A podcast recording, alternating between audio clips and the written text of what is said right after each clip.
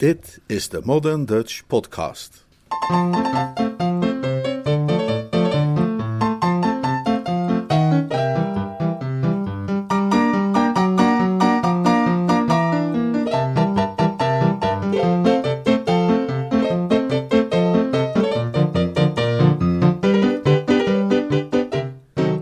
Jeeves en de gladde rakker. Verhaal van P.G. Woodhouse uit de bundel Plum Pie van 1966, opnieuw vertaald en voorgelezen door Leonard Beuger.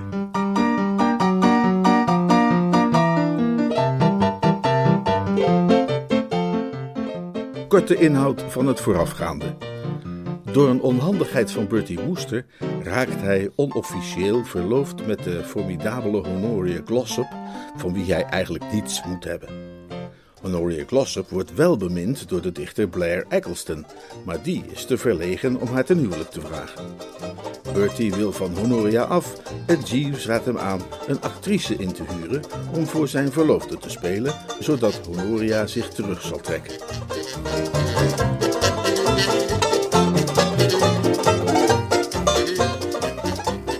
Het is een idee, gaf ik toe, maar er zit natuurlijk wel een probleem aan vast. Namelijk, waar haalt iemand zo'n dame vandaan? Een mens kan moeilijk in Londen rond gaan lopen en links en rechts aan meisjes vragen of ze zouden willen doen alsof ze met hem verloofd waren. Althans, dat, dat kun je natuurlijk wel doen, maar eh, het lijkt me nogal een eh, stressvolle aangelegenheid. Zeker, meneer, dat is een probleem.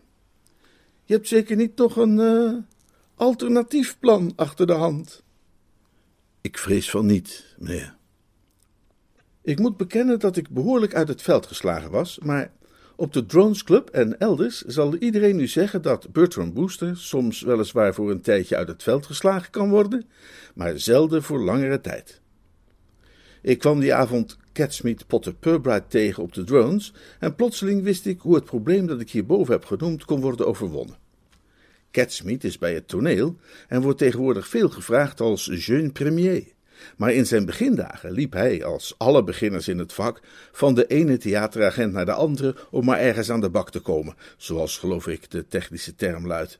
En na het diner vertelde hij me de ene na de andere anekdote over die tijd. Terwijl ik naar hem luisterde, schoot me als een torpedo te binnen dat als je een meisje zocht om voor je verloofde te spelen, een theateragent natuurlijk precies de man was die je kon helpen. Zo'n kerel verkeert in de perfecte positie om een werkeloze actrice voor je te vinden die tegen een bescheiden gage bereid en in staat is om aan zo'n onschuldige mystificatie mee te werken. Catsmeet wist me te vertellen waar dergelijke fauna viel aan te treffen. De Charing Cross Road is kennelijk waar de meeste van hen hun domicilie hebben. En de volgende ochtend kon men mij dan ook de burelen zien betreden van Jazz Waterbury op de bovenste verdieping van een gebouw halverwege die straat. De reden dat mijn keuze gevallen was op deze jazz was niet zozeer dat ik van alle kant enthousiaste verhalen over hem had gehoord, maar simpelweg dat het bij al zijn beroepsgenoten tot op de gang stampvol had gestaan met gevarieerd theatervolk en het me niet opportun had geleken daar achter aan te sluiten om op mijn beurt te wachten. In de voorportalen Shea Waterbury was het evenwel leeg. Het was alsof hij alle menselijk gezelschap schuwde. Het was natuurlijk mogelijk dat hij alleen even naar de overkant was gelopen voor een snelle slok, maar voor hetzelfde geld lag hij op de loer achter de deur met het opschrift privé.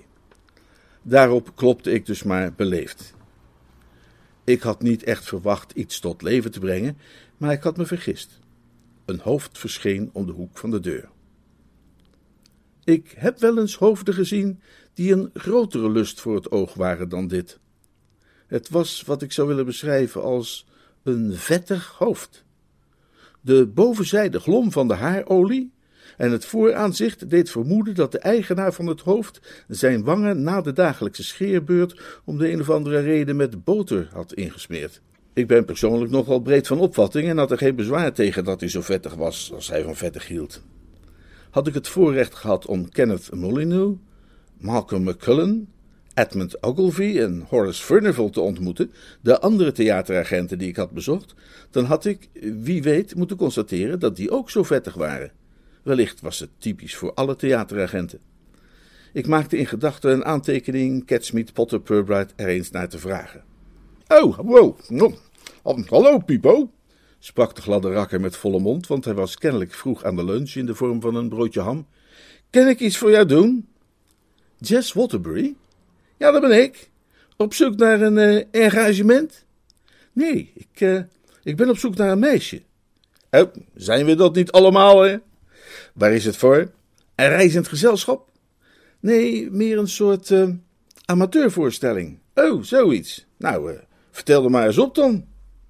Ik had mezelf voorgehouden dat het stellig nogal gênant zou zijn om zulke intieme privé-aangelegenheden aan een theateragent te moeten opbiechten, en dat bleek ook inderdaad behoorlijk het geval. Maar ik hield de rug recht en de bovenlip strikt onbuigzaam, en al tijdens mijn verhaal werd me duidelijk dat ik Jess Waterbury niet correct had ingeschat. Misleid door zijn uiterlijke verschijning, had ik aangenomen dat hij wel zo'n vettig type zou zijn dat traag was van begrip en uiteindelijk weinig subtiliteit zou vertonen. Hij toonde zich echter kwiek en intelligent.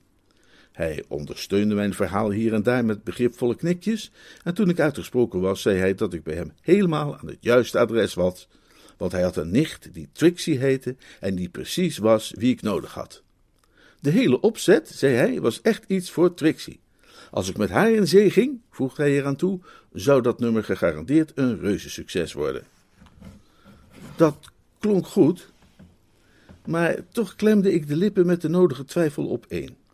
Ik vroeg me af of de liefde van een oom niet misschien een wat te groot enthousiasme bij hem gewekt had.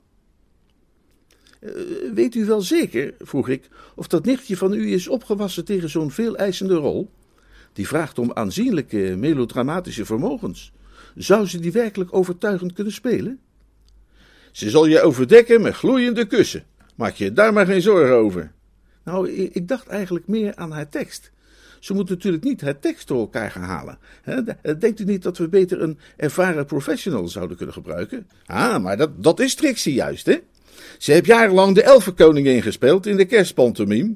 Ze is nooit aan de bak gekomen in Londen, de jaloezie bij de leiding. Maar ga maar eens vragen in Leeds en Wigan wat ze daarvan vinden. Of vraag het ze in Hull, hè? of in Huddersfield. Ik zei dat ik dat beslist eens zou doen wanneer ik daar in de buurt was, en hij sprak enthousiast verder. Een rondborstige schone, de avondkroniek voor Leeds, hè? En uh, een lekker ding met talent, Huls Dagblad. Schoonheid en stijl tezamen, Wickens Journaal. Nee, wees maar niet bang, uh, Pipo. Trixie is de geld meer dan waard. En nu we het er toch over hebben, uh, wat schuift het? Nou, ik, ik dacht aan uh, vijf pond. Nou, maak daar maar vast tien van. Oké. Of liever, doe maar gelijk vijftien.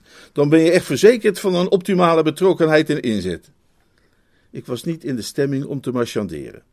Tante Dalia had opgebeld tijdens mijn ontbijt om te zeggen dat Honoria Glossop haar had verteld dat ze om vier uur bij belang zou komen. En dan moest het ontvangstcomité natuurlijk gereed staan. Ik haalde die vijftien piek tevoorschijn en vroeg hoe snel hij zijn nichtje te pakken kon krijgen, omdat er nogal haast bij was. Hij verzekerde me dat ze ruimschoots voor het uur u aanwezig zou zijn en ik zei, mooi zo. Uh, bel maar op als alles rond is, zei ik. Ik ga nu eerst lunchen op de Drones Club. Dat leek hem nogal te interesseren. Zo, de Drones Club, hè? Ben je daar lid van? Daar heb ik een paar goede vrienden zitten. Ken jij Mr. Widgen? Freddy Widgen? Ja, heel goed. En uh, eh, Mr. Prosser?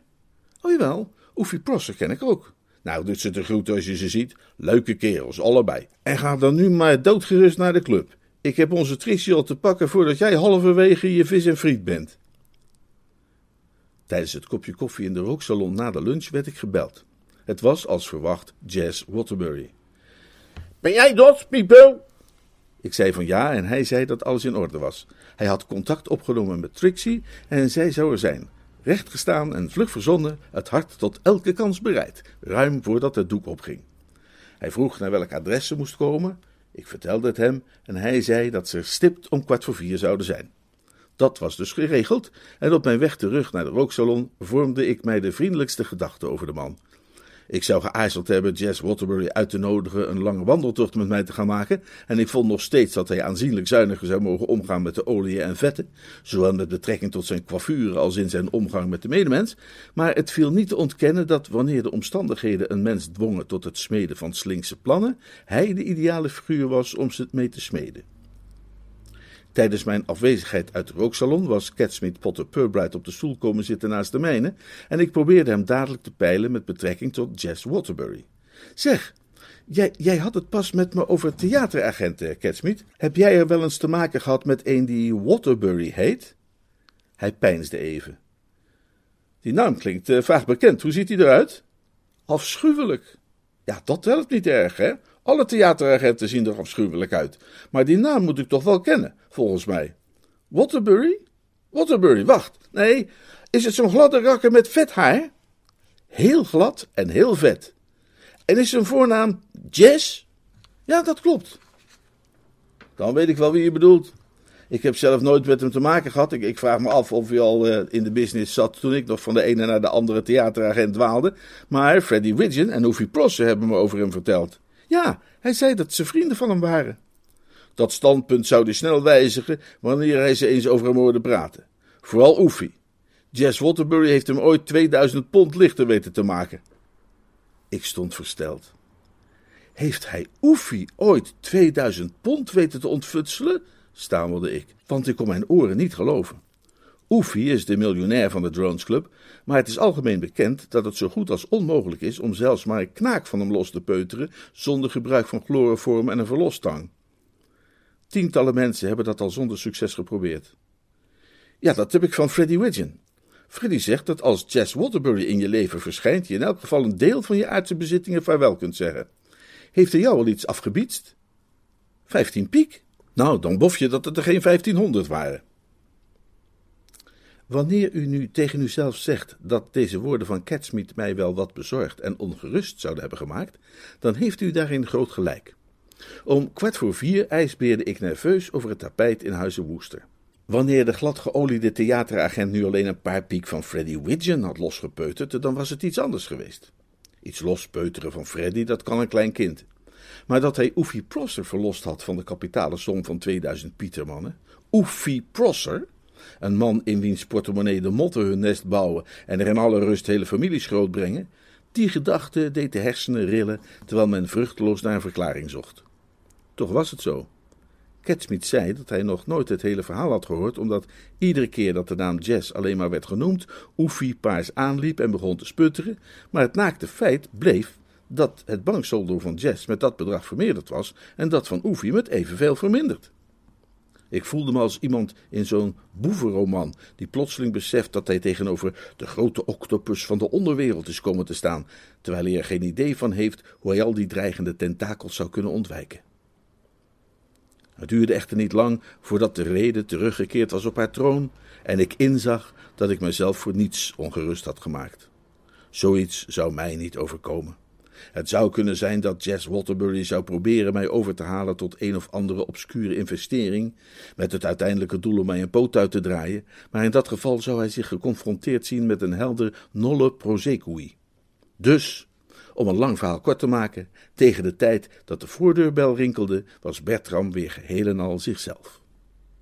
Ik deed de deur open, want het was Jeeves' vrije middag. Eens in de week legt hij het bijltje erbij neer om bridge te gaan spelen in de nieuwe Ganymedes Club. Ik opende dus de deur en Jess en zijn nicht kwamen binnen. Ik viel bijna achterover. Ik was een ogenblik compleet van de kaart. Daar ik sinds mijn tamelijk vroege jeugd geen kerstpantomime meer had bijgewoond, was ik vergeten hoe wel gevuld elfenkoninginnen konden zijn, en de aanblik van Trixie Waterbury was aangekomen als een slag met een stomp voorwerp. Eén enkele blik was genoeg om mij duidelijk te maken waarom de toneelrecensent van de avondkroniek voor Leeds haar rondborstig had genoemd. Ze mat zo'n 1,75 meter op haar slippers en puilde uit naar alle kanten. Haar ogen fonkelden evenals haar tanden. Het duurde een poosje voordat ik in staat was goedenavond te zeggen. Goedenavond, zei Jess Waterbury. Hij keek goedkeurend om zich heen. Zo, leuk plekje hebben hier. Zal er liever duiten hebben gekost. Dit is uh, eh, Mr. Woester, Trixie. Maar voor jou is het Bertie. De elfenkoningin vroeg of schatje niet beter zou klinken. En Jess Waterbury gaf enthousiast toe dat ze helemaal gelijk had. Ja, dat, dat kerst inderdaad een stuk beter, stemde hij met haar in. Had ik niet gezegd dat ze geknipt was voor die rol, Pipo? Je kunt er gerust op vertrouwen dat ze een eerste klas uitvoering gaat geven. Wanneer verwacht je die dame waar het om gaat? Die kan elk moment hier zijn. Dan kunnen we beter meteen even de mise en scène doen. Jij wordt betropt daar in die stoel met Trixie op je schoot. Wat? Hij leek de ontsteltenis in mijn stem te horen, want hij fronste een beetje onder de vetlagen. Ja, we doen hier allemaal ons best om de voorstelling tot een succes te maken, bracht hij mij op strenge toon in herinnering. Als je die scène echt overtuigend wil laten zijn, ga tot het beste door het beeld te laten spreken. Ik moet toegeven dat er veel waarheid school in wat hij zei. Dit was ook geen moment voor halve maatregelen. Ik ging zitten. Ik zal niet zeggen dat ik lekker zat, maar ik zat, en de favoriete elfenkoningin van Wigan nam plaats op mijn schoot met een plof die de stevige zetel onder mij beangstigend deed schudden. En nauwelijks was ze begonnen het zich comfortabel te maken toen de voordeurbel opnieuw rinkelde. Het doek gaat op, zei Jess Waterbury. Een gepassioneerde omhelzing, Trixie, en een beetje stevig graag. Stevig was die inderdaad. Ik voelde me als een Zwitserse bergbeklimmer die bedolven wordt onder een lawine met de geur van patchouliolie. Jess Waterbury wierp intussen de poort wijd open en wie kwam daar binnen? Blair Eggleston, de laatste bezoeker die ik verwacht zou hebben. Hij bleef staan met uitpuilende ogen. Ik zat daar met uitpuilende ogen en ook de ogen van Jess Waterbury puilden uit. Het was goed voor te stellen hoe hij zich voelde. Hij had verwacht dat de vrouwelijke ster van de show zou opkomen, terwijl nu links van het midden een personage opkwam dat niet eens deel uitmaakte van de bezetting. Kon hem zijn verbijstering licht vergeven. Geen enkele theateragent ziet dat soort dingen graag gebeuren. Ik was de eerste die de stilte verbrak. Ik was uiteindelijk de gastheer en het was daarom mijn taak de conversatie op gang te brengen. Oh, uh, hallo Eggleston, zei ik. Kom, kom binnen. Ik geloof niet dat je Mr. Waterbury alles hebt ontmoet, is het wel? Mr. Eggleston, Mr. Waterbury. En, en dit is zijn nicht, Miss Trixie Waterbury, mijn verloofde. Jouw wat? Verloofde. Aanstaande. Uh, fiancé. Grote genade. Jess Waterbury leek van mening te zijn dat nu de scène zo lelijk in het water was gevallen, het weinig zin had om langer te blijven.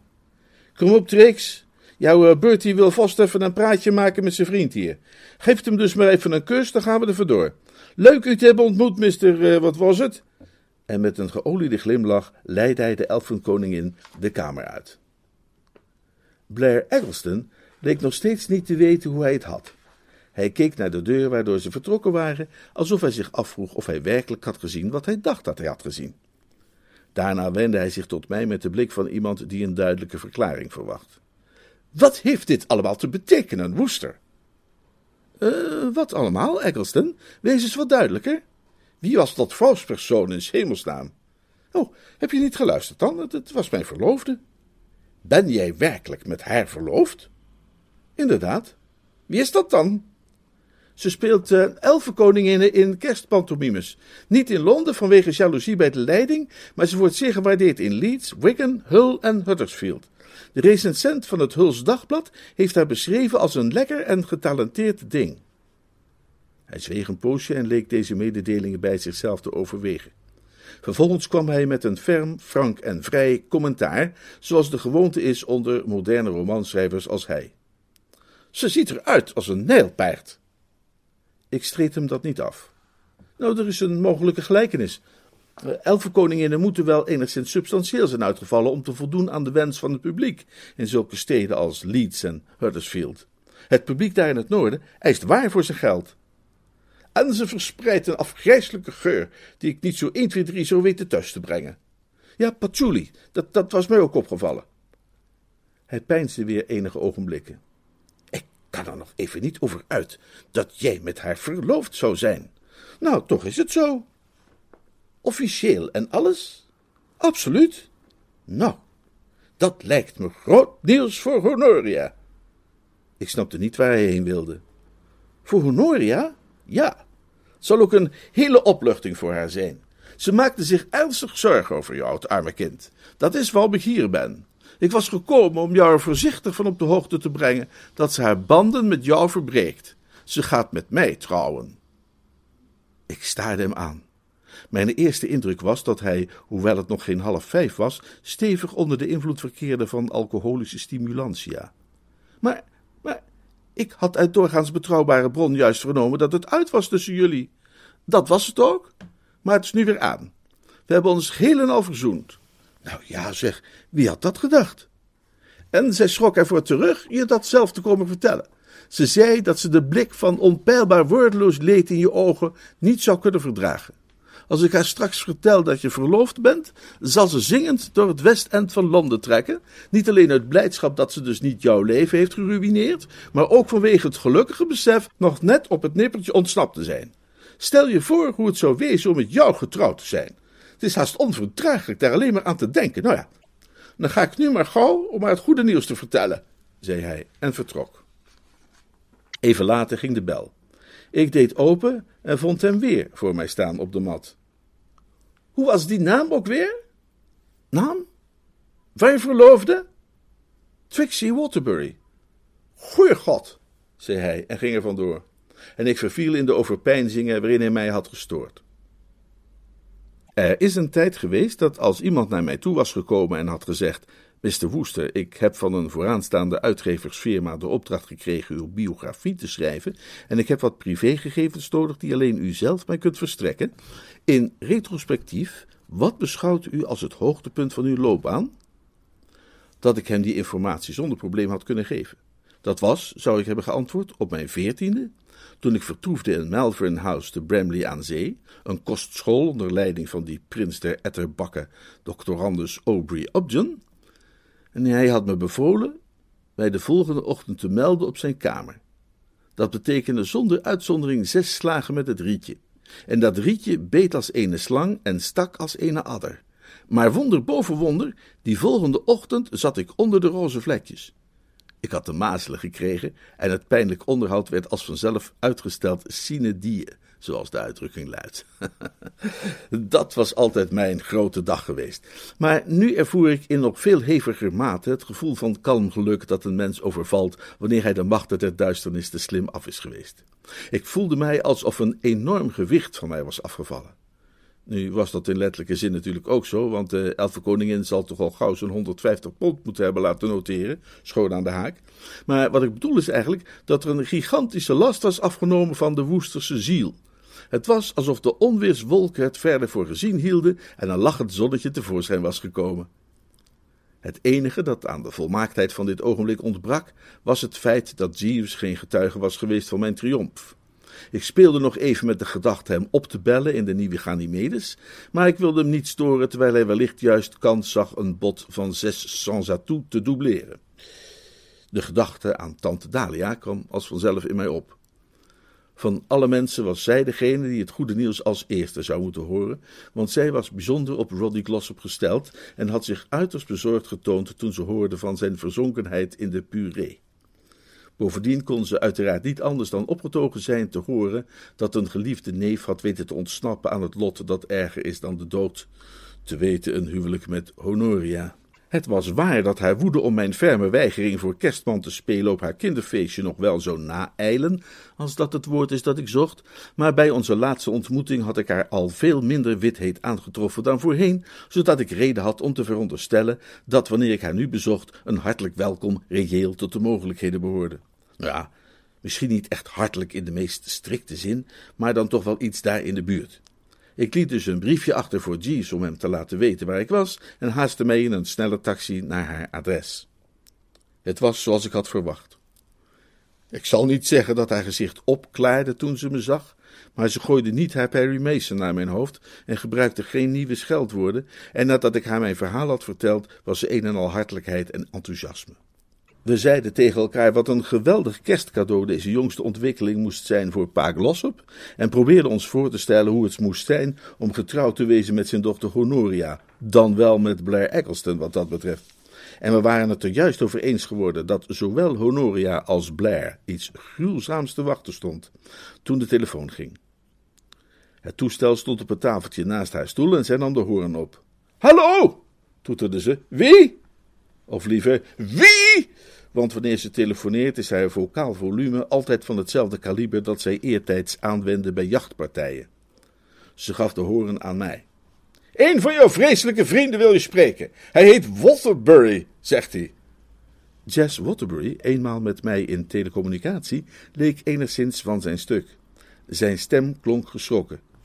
Waar ben jij ergens, Pipo? In de dierentuin? Ik kan je even niet volgen, Jess Waterbury. Er brulde net een leeuw tegen me. Oh nee, dat was mijn tante. Nou, liever jij dan ik, zo'n tante. Ik dacht even dat mijn schedeldak was losgetrild. Ze heeft nogal een krachtige stem. Nou, dat mag ik wel zeggen. Nou ja, brave Loebas, sorry dat ik haar moest storen tijdens het voederen. Maar ik dacht dat jij het wel zou willen weten, dat Trix en ik het erover hebben gehad. En dat wij allebei vinden dat een eenvoudige trouwerij enkel op het stadhuis ons het beste lijkt. Geen behoefte aan een hoop gedoe en overbodige uitgaven. En voor de huwelijksreis zou ze Brighton erg leuk vinden. Ze is altijd dol geweest op Brighton. Het was me niet helder waar hij het in s hemelsnaam over had, maar tussen de regels doorlezend maakte ik uit zijn woorden op dat de elfenkoningin van plan was te gaan trouwen. Ik vroeg of dat klopte en hij grinnikte vettig. altijd, altijd in voor een grapje, hè, die Bertie. Je houdt van een geintje, hè? Als jij, als jij niet zou weten dat ze gaat trouwen, wie dan wel? Ik weet van niks. Met wie dan? Nou ja, met jou natuurlijk. Je hebt er zelf nog aan die vriend van jou voor gesteld als je verloofde, toch? Ik haastte me dat misverstand uit de wereld te helpen. Ja, maar dat, dat, dat was maar alsof. Dat heb jij toch wel uitgelegd? Wat uitgelegd? Dat we alleen maar zouden doen alsof we verloofd waren. Ja, raar hoor. Waarvoor zou ik dat doen? Voor vijftien piek. Ik herinner mij helemaal geen vijftien piek. Wat ik ervan onthouden heb, is dat jij Trixie gezien had als de elfenkoningin in Cinderella, in het hippodroom in Wigan, en dat je meteen op het eerste gezicht verliefd op haar was geworden. Ze was trouwens zoveel jongelui. Je was er op de een of andere manier achter gekomen dat ze mijn nichtje was. En toen heb je mij gevraagd haar mee te brengen naar jouw huis. En vanaf het moment dat we binnenkwamen, kon ik het liefdeslicht zien gloeien in je ogen. En in die van haar niet minder. Hè? En in minder dan vijf minuten zat ze bij je op schoot en zaten jullie te knuffelen als twee tortelduifjes. Een typisch geval van liefde op het eerste gezicht. En ik kan je wel zeggen dat het mij geraakt heeft. Ja, ontroerd. Ik zie dat graag. Twee jonge mensen, kinderen die elkaar vinden in de lente. Hè? Niet dat het op het moment lente is, maar het principe blijft hetzelfde. Op dat ogenblik kwam tante Dalia, die wat zachtjes had zitten pruttelen ertussen, door mij wat geringschattende benamingen toe te voegen en me te vragen wat er potverdrie aan de hand was. Ik hield daar zo goed mogelijk af met een gebiedend handgebaar. Ik had ieder grammetje concentratie nodig om de vergissing te beteugelen die hier kennelijk was ontstaan. Jij kletst uit je nek, Jess Waterbury. Wie? Ik? Ja, jij. Er klopt geen hout van je verhaal. Oh nee? Oh nee? Jij dacht van niet?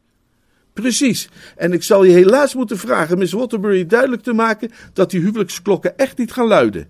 Nou, dat zeg ik je net al. Trixie houdt het ook liever alleen bij de ambtenaar van de burgerlijke stand. Nou, die ambtenaar gaat ook niet luiden. Hij zei dat ik hem verbaasde. Dus jij wilt niet met Trixie trouwen? Nog met geen stok zou je me zover krijgen, nog met geen twee. Een verbijsterd, hoe bestaat het? klonk uit de horen. Dat is nou toch wel hoogst toevallig, zei hij. Dat zijn nou precies dezelfde woorden hè, die Mr. Prosser gebruikte toen hij een ander nichtje van mij weigerde te trouwen, nadat hij zijn verloving had aangekondigd voor getuigen, precies zoals jij. Zo zie je maar weer wat een klein wereldje het is.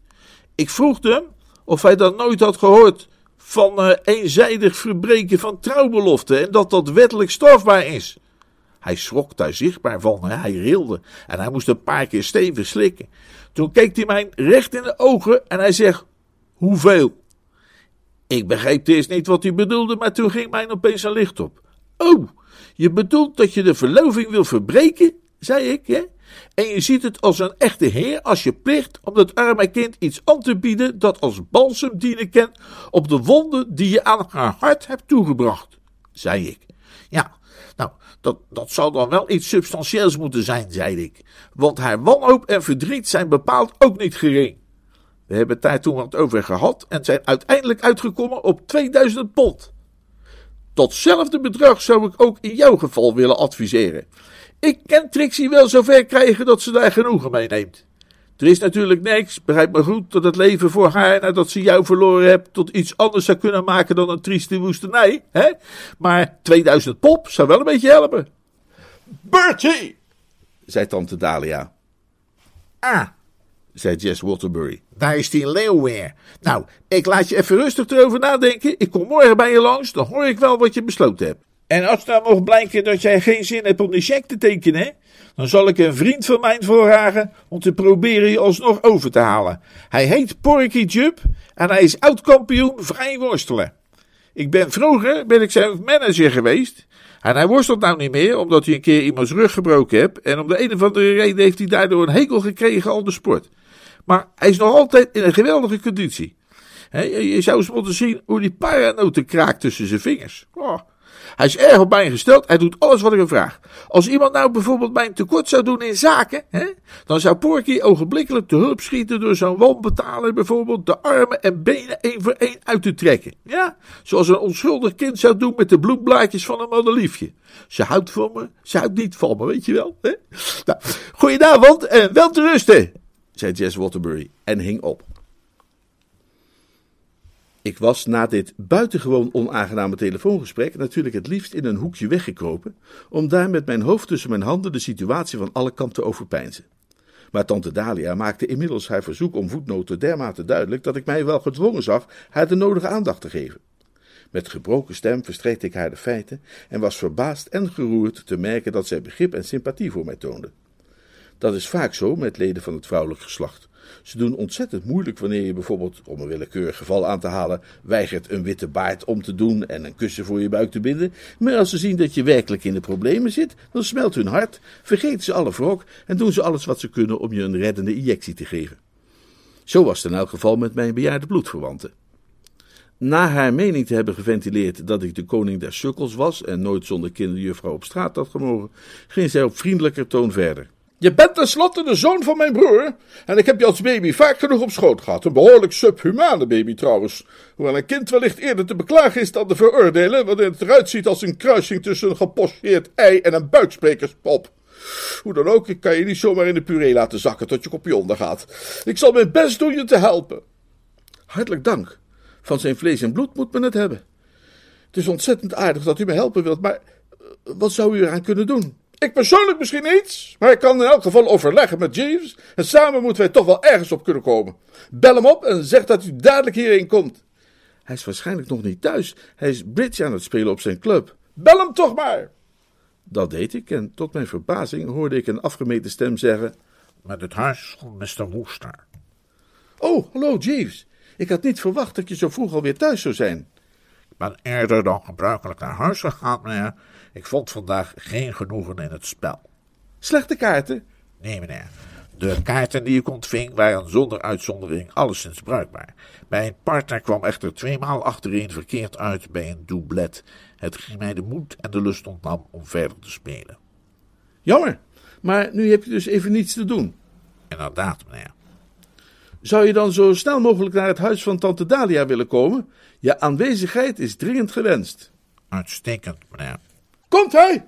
vroeg tante Dalia. Als een haas. Hij zoekt alleen nog even zijn bolhoed. Maak je dan gauw dat je wegkomt. U wilt me er niet bij hebben bij die conferentie? Nee, maar drie weten meer dan twee, bracht ik in. Niet als één van die drie van de nek omhoog in massief ivoor is uitgevoerd, zei mijn bejaarde bloedverwante, waarmee ze min of meer in haar gebruikelijke stijl terugviel. Ik sliep die nacht onrustig, want mijn sluimer werd regelmatig verstoord door dromen waarin ik in het open veld achtervolgd werd door een meute van elfenkoninginnen, aangevuurd door Jess Waterbury, die achter hen aangaloppeerde onder het slaken van kreten als halali en tiro.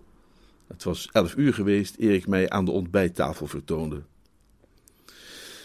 Ik neem aan, Jeeves, zei ik terwijl ik een voorzichtig vorkje uitstak naar een wat korzelig gebakken ei. Ik neem aan dat tante Dalia je alles verteld heeft? Ja, meneer.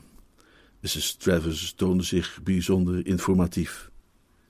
Tja, op een bepaalde manier was dat een opluchting, want al die geheimhouding en dat A en B gedoe is altijd erg vermoeiend. Een ramp hangt ons boven het hoofd, denk je ook niet? De situatie waarin u verkeert mag met ernst hachelijk worden genoemd, meneer.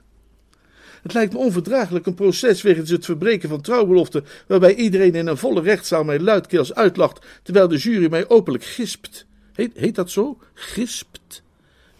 Ja, meneer, dat is volkomen juist. Terwijl de jury mij dus gispt en hoge boetes oplegt. Ik zou daarna mijn gezicht niet meer kunnen vertonen in de Droonsclub. Het zou uw reputatie inderdaad weinig goed doen, meneer. Aan de andere kant voel ik absoluut niets voor Jess Waterbury 2000 pond te betalen. Ik kan mij uw dilemma levendig voorstellen, meneer. Maar misschien heb jij alweer iets verschrikkelijk slims bedacht om onze Jess een spaak in het wiel te steken en hem behalve vetten ook grijze haren te bezorgen. Wat ben je van plan te doen als hij langskomt of opbelt? Ik zal proberen met hem te overleggen, meneer. Mijn hart stolde tot lood in mijn boezem. Ik denk dat ik er zo aan gewend ben geraakt dat Jeeves maar met zijn toverstokje hoeft te zwaaien om de ernstigste crisis in rook te doen opgaan, dat ik langzamerhand ben gaan verwachten dat hij eenvoudigweg iedere keer weer een briljant idee uit de hoge hoed weet te halen. En hoewel ik tijdens het ontbijt nooit op mijn helderst ben, begreep ik toch wel dat wat hij van plan was niet erg zou cashen bij Jess Waterbury, zoals die dat zelf zou noemen. Met hem overleggen. Nou ja, zeg. Om met die koning der oplichters te overleggen had je een boksbeugel nodig of een ploertedoder. Er klonk dan ook enig verwijt in mijn stem toen ik hem vroeg of dat het beste was wat hij kon verzinnen. Mijn plan kan uw goedkeuring niet wegdragen, meneer. Nou ja, ik, ik, ik wil je gevoelens niet kwetsen. Geen zins, meneer. Maar eh, het lijkt me niet een van je meest briljante ideeën. Dat spijt me, meneer. Desalniettemin. Ik sprong op van tafel, het ei gestold op mijn lippen. De voordeurbel had gerinkeld. Ik weet niet of mijn ogen letterlijk door hun kassen rolden toen ik Jeeves aankeek, maar het leek me uiterst waarschijnlijk, want dat geluid had mij getroffen als de ontploffing van een ons of wat TNT. Daar, daar is die! Vermoedelijk ja, meneer. Daar, daar ben ik zo vroeg in de morgen echt niet tegen opgewassen. Uw gevoelen komt mij uiterst begrijpelijk voor, meneer. Wellicht mag ik u adviseren een schuilplaats te zoeken terwijl ik de onderhandelingen voer. Achter de piano lijkt mij een passende gelegenheid. Je hebt weer groot gelijk, Jeeves. Ik zou mijn publiek misleiden wanneer ik beweerde dat de ruimte achter de piano mij een comfortabele verblijfplaats opleverde, maar ik vond er privacy. En privacy was precies waar ik behoefte aan had. Bovendien was die plek zeer geschikt om in contact te kunnen blijven met de gebeurtenissen in de grote wereld daarbuiten. Ik hoorde de deur opengaan en vervolgens de stem van Jess Waterbury. Goedemorgen, Pipo. Goedemorgen, meneer. Woester thuis? Nee, meneer. Hij is zojuist vertrokken. Oh, raar. Hij verwachtte mij. U bent Mr. Waterbury? Ja, dat ben ik, ja. Waar is hij naartoe? Ik meen dat het Mr. Woesters bedoeling was een bezoek af te leggen aan de bank van lening. Wat? Onder Lommerd? Hij noemde zoiets in het voorbijgaan. Hij zei dat hij hoopte een paar pond te kunnen waarmaken, zoals hij het formuleerde, op zijn horloge. Wat vertel je mij nou, joh? Waarom zou hij zijn horloge verponden? Zijn financiële middelen zijn momenteel uiterst beperkt. Er volgde een pregnante stilte, zoals ik dat wel eens heb horen noemen. Ik nam aan dat Jess Waterbury wat tijd nodig had om een en ander tot zich te laten doordringen. Ik wilde dat ik mij in de conversatie had kunnen mengen, want ik had graag tegen Jeeves gezegd hoezeer hij de juiste weg bewandelde en hem mijn verontschuldigingen aangeboden voor het feit dat ik zo even nog aan hem getwijfeld had. Ik had moeten beseffen dat toen hij zei met Jazz te willen overleggen, hij deze aas natuurlijk al in zijn mouw had, wat alle verschil maakte. Het duurde even voordat Jazz Waterbury weer iets zei, en toen hij dat deed, was er een soort vibrato in zijn stem, alsof hij was begonnen zich te realiseren dat het leven niet een en al rozen en zonneschijn was zoals hij had gedacht. Ik wist hoe hij zich moest voelen. Geen groter verdriet dan wanneer men gedacht had de pot met goud te vinden aan het eind van de regenboog, maar plotseling uit betrouwbare bron moet vernemen dat zulks geen sinds het geval is, als u begrijpt wat ik bedoel. Voor Jazz was eh, Bertram Woester de zorgeloze distributeur geweest van stapeltjes van 15 pond. Iets wat je alleen maar kunt zijn met een stevig banksaldo op de achtergrond. En hem nu geschilderd te zien als een belener van horloges, moest hem recht in het hart hebben getroffen. Als hij een hart had. Maar, maar dit appartement dan? vroeg hij verbijsterd. Nee. Een appartement op de Parklane, dat krijg je toch niet voor niks? Nee, zeker niet, meneer. Laat staan een livreier. Meneer? Jij bent toch een livreier? Nee, meneer. Ik heb weliswaar in het verleden gewerkt als persoonlijke bediende en ook wel als butler, maar op dit moment ben ik niet in die functie aangesteld. Ik vertegenwoordig hier de firma Alsup Wilson, wijnkopers, die Mr. Wooster goederen hebben geleverd ter waarde van 403 pond, 15 shilling en 8 pence, welk bedrag Mr. Woosters middelen verre te boven gaat. Ik ben hier als de provisionele bewindvoerder in afwachting van Mr. Woesters onder curatelestelling. Een hees grote goden viel Jess van de lippen. Ik vond het vrij netjes van hem dat hij geen krachtiger termen hanteerde. Dus jij bewaakt eigenlijk de boedel tot de inbeslagname? Precies, meneer. Het heeft mij de laatste tijd niet meegezeten in de wereld en dit was het enige baantje dat ik nog kon bemachtigen. Het is niet wat ik gewend was, maar ik moet zeggen dat het ook plezierige kanten heeft. Mr. Woester is een bijzonder aangenaam jongmens en heeft mijn opgedrongen aanwezigheid sportief opgevat. Wij voeren lange en interessante gesprekken en in de loop daarvan heeft hij mij ook over zijn financiële situatie verteld. Het blijkt dat hij volledig afhankelijk is van de gulheid van zijn tante, ene Mrs. Travers, een dame van sterk wisselende dispositie, die al verschillende malen heeft gedreigd dat zij, wanneer Mr. Wooster zijn verkwistende levensstijl niet wijzigt, zijn jaargeld zal inhouden en hem naar Canada zal sturen op basis van een minimale maandelijkse toelage. Zij verkeert uiteraard in de overtuiging dat ik Mr. Woesters persoonlijke bediende ben. Mocht zij van mijn officiële status hier vernemen, dan vrees ik dat zulks een onaangenaam vervolg zou krijgen. Voor Mr. Woester eerder een slot trouwens dan een vervolg, eh, wanneer ik mij die aardigheid mag veroorloven.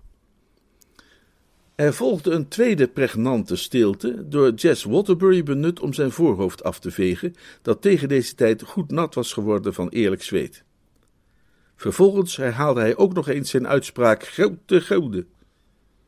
Of hij daar ditmaal verder observaties aan had willen toevoegen, zou ik niet kunnen zeggen, want zijn woorden werden hem van de lippen geveegd. Er was het geluid als van een geweldige gedreven wind, en een hevig briese kondigde mij aan dat tante Dalia zich in ons midden bevond. Jeeves moest de deur open hebben laten staan toen hij Jess Waterbury binnenliet. Jeeves! bulderde ze. Durf jij mij in de ogen te kijken? Zeker, mevrouw, wanneer u dat wenst. Dat verbaast mij dan hoogelijk. Jij moet wel de onbeschaamdheid bezitten van een trekezel. Ik heb zojuist ontdekt dat jij een bewindvoerder bent in butlerskleren. Of wil jij dat soms ontkennen? Nee, mevrouw. Ik vertegenwoordig hier de firma Elsop Wilson, die Mr. Woester wijnen, likeuren en spiritualiën heeft geleverd, ter waarde van 403 pond, 15 shilling en 8 pence. De piano waarachter ik gehurkt zat, romde zachtjes mee toen mijn tante een tweede gebries liet horen. Goeie geladen! Wat doet Bertie met al dat spul? Neemt hij er zijn dagelijkse bad in? 403 pond 15 shilling en 8 pence. En het zou me niets verbazen wanneer hij nog tien andere leveranciers al evenveel verschuldigd is. En ondanks al die rode cijfers is hij van plan, hoor ik, een dikke vrouw uit het circus te trouwen. Zij geeft gestalte aan elfenkoninginnen in kerstpantomimes, mevrouw. Dat is net zo erg. Blair Eggleston zegt dat ze eruit ziet als een nijlpaard. Ik kon hem niet zien, uiteraard, maar ik stelde me voor dat Jess Waterbury zich verontwaardigd oprichtte bij deze beschrijving van zijn geliefde nichtje, want toen hij weer sprak, klonk zijn stem kil en beledigd. Het is wel mijn Trixie waar jij het over hebt, hè? En hij zal met hem moeten trouwen, want anders krijgt hij een proces aan zijn broek wegens verbreking van trouwbelofte. Ik kan er alleen maar naar raden, maar ik denk dat tante Dalia zich nu ook verontwaardigd oprichtte. Nou, dan zal ze toch eerst naar Canada moeten gaan om die rechtszaak aan te spannen, donderde ze. Want dat is waarheen Bertie Woester vertrekt met de eerste de beste boot. En daarginder zal hij absoluut geen geld te verspillen hebben aan rechtszaken en al dan niet verbroken trouwbeloften. Hij mag blij zijn als hij niet van de honger doodgaat bij het soort van toelage dat ik er nog zal gunnen. Hij boft als u nog één keer in de drie dagen warm kan eten. Zeg jij maar tegen die treksie van jou dat ze Bertie uit haar hoofd zet en op zoek gaat naar een elfenprins. Ervaring heeft mij geleerd dat het, behalve in essentiële kwesties, zoals het spelen van kerstman op kinderfeestjes, onmogelijk is tante Dalia met succes tegen te streven. En kennelijk was dat nu ook doorgedrongen tot Jess Waterbury, want even later hoorde ik hoe de voordeur werd dichtgesmeten. Hij was vertrokken zonder nog een kik te geven. Zo, dat is dat, zei tante Dalia. Inspannend wel hoor, zulke emotionele scènes. Slopend. Heb jij misschien een druppeltje van iets opwekkends voor me, Jeeves? Zeker, mevrouw. Hoe was ik? Hè? Goed gedaan? Voortreffelijk, mevrouw. Volgens mij was ik goed bij stem. Uitermate sonor, mevrouw. Nou, het is in elk geval fijn om te zien dat onze inspanningen met succes zijn bekroond. En reken maar dat Bertie er ook zo over zal denken. En dan gebruik ik het woord denken in zijn geval natuurlijk in een wat ruimere zin. Hoe laat komt hij thuis, denk je? Mr. Woester heeft het pand niet verlaten, mevrouw. Ten einde een confrontatie met Mr. Waterbury te vermijden, heeft hij zich veiligheidshalve teruggetrokken achter de piano. Ik kroop al tevoorschijn en mijn eerste daad was hen allebei een groot compliment te maken. Dat Jeeves dankbaar aanvaarde, maar waarop tante Dalia reageerde met nieuw gebries. Eenmaal uitgebriest nam ze het woord. Ja, ja, je kunt ons nu wel stroop om de mond gaan smeren, dat is makkelijk zat. Maar wat ik eigenlijk zien wil, is minder kletspraatjes en meer actie. Als jij mij echt je dankbaarheid wilt tonen, dan speel jij straks kerstman op mijn kerstfeestje. Daar had ze een punt, en ik kon er moeilijk omheen. Ik balde mijn vuisten, ik zette de kaken op elkaar en ik nam de zware beslissing. Dat is goed, hoogbejaarde verwanten. Je doet het? Ik doe het. Zo mag ik het horen. Waar zou je ook bang voor zijn? Hè? Het ergste wat je kan gebeuren is dat die peuters chocoladesoesjes in je bakkenbeiden smeren. Ch chocoladesoesjes? mompelde ik. Of vervaard BSM. Een oud volksgebruik, daar moet je gewoon niet op letten. En nog wat. Misschien heb jij die verhalen gehoord over hoe ze vorig jaar bij de dominee zijn baard in de fik hebben gestoken. Nou, dat was zuiver per ongeluk. Ik was alweer in mijn espenblad-imitatie vervallen toen Jeeves zich erin mengde. Neemt u mij niet kwalijk, mevrouw? Ja, Jeeves. Als ik een suggestie zou mogen doen, eh, wellicht zou een vertolker van rijpere leeftijd dan Mr. Wooster een overtuigender personage kunnen neerzetten. Jij gaat mij toch niet vertellen dat jij je als vrijwilliger opgeeft? Nee, mevrouw. Wie ik als vertolker in gedachten had, was Sir Roderick Glossop. Sir Roderick beschikt over de verlangde gestalte en heeft een wat lagere stem dan Mr. Wooster. Zijn ho, ho, ho zou een veel sterker dramatisch effect sorteren. En ik ben ervan overtuigd dat wanneer u hem daarover zou benaderen, u hem stellig zult kunnen bewegen die rol op zich te nemen. Vooral ook als je bedenkt, deed ik mijn duit in het zakje, dat hij gewend is zijn gezicht zwart te maken met verbrande kurk. Precies, meneer. Dit zal een aangename afwisseling voor hem zijn. Tante Dalia overwoog zijn woorden. Ik geloof dat je nog gelijk hebt ook, Jeeves, zei ze tenslotte. Het is jammer voor die kindertjes, want het betekent dat ik ze daarmee een kans ontneem één keer te lachen zoals ze nooit meer zullen doen. Maar dat leert ze niet te verwachten dat het leven één groot feest is. Goed.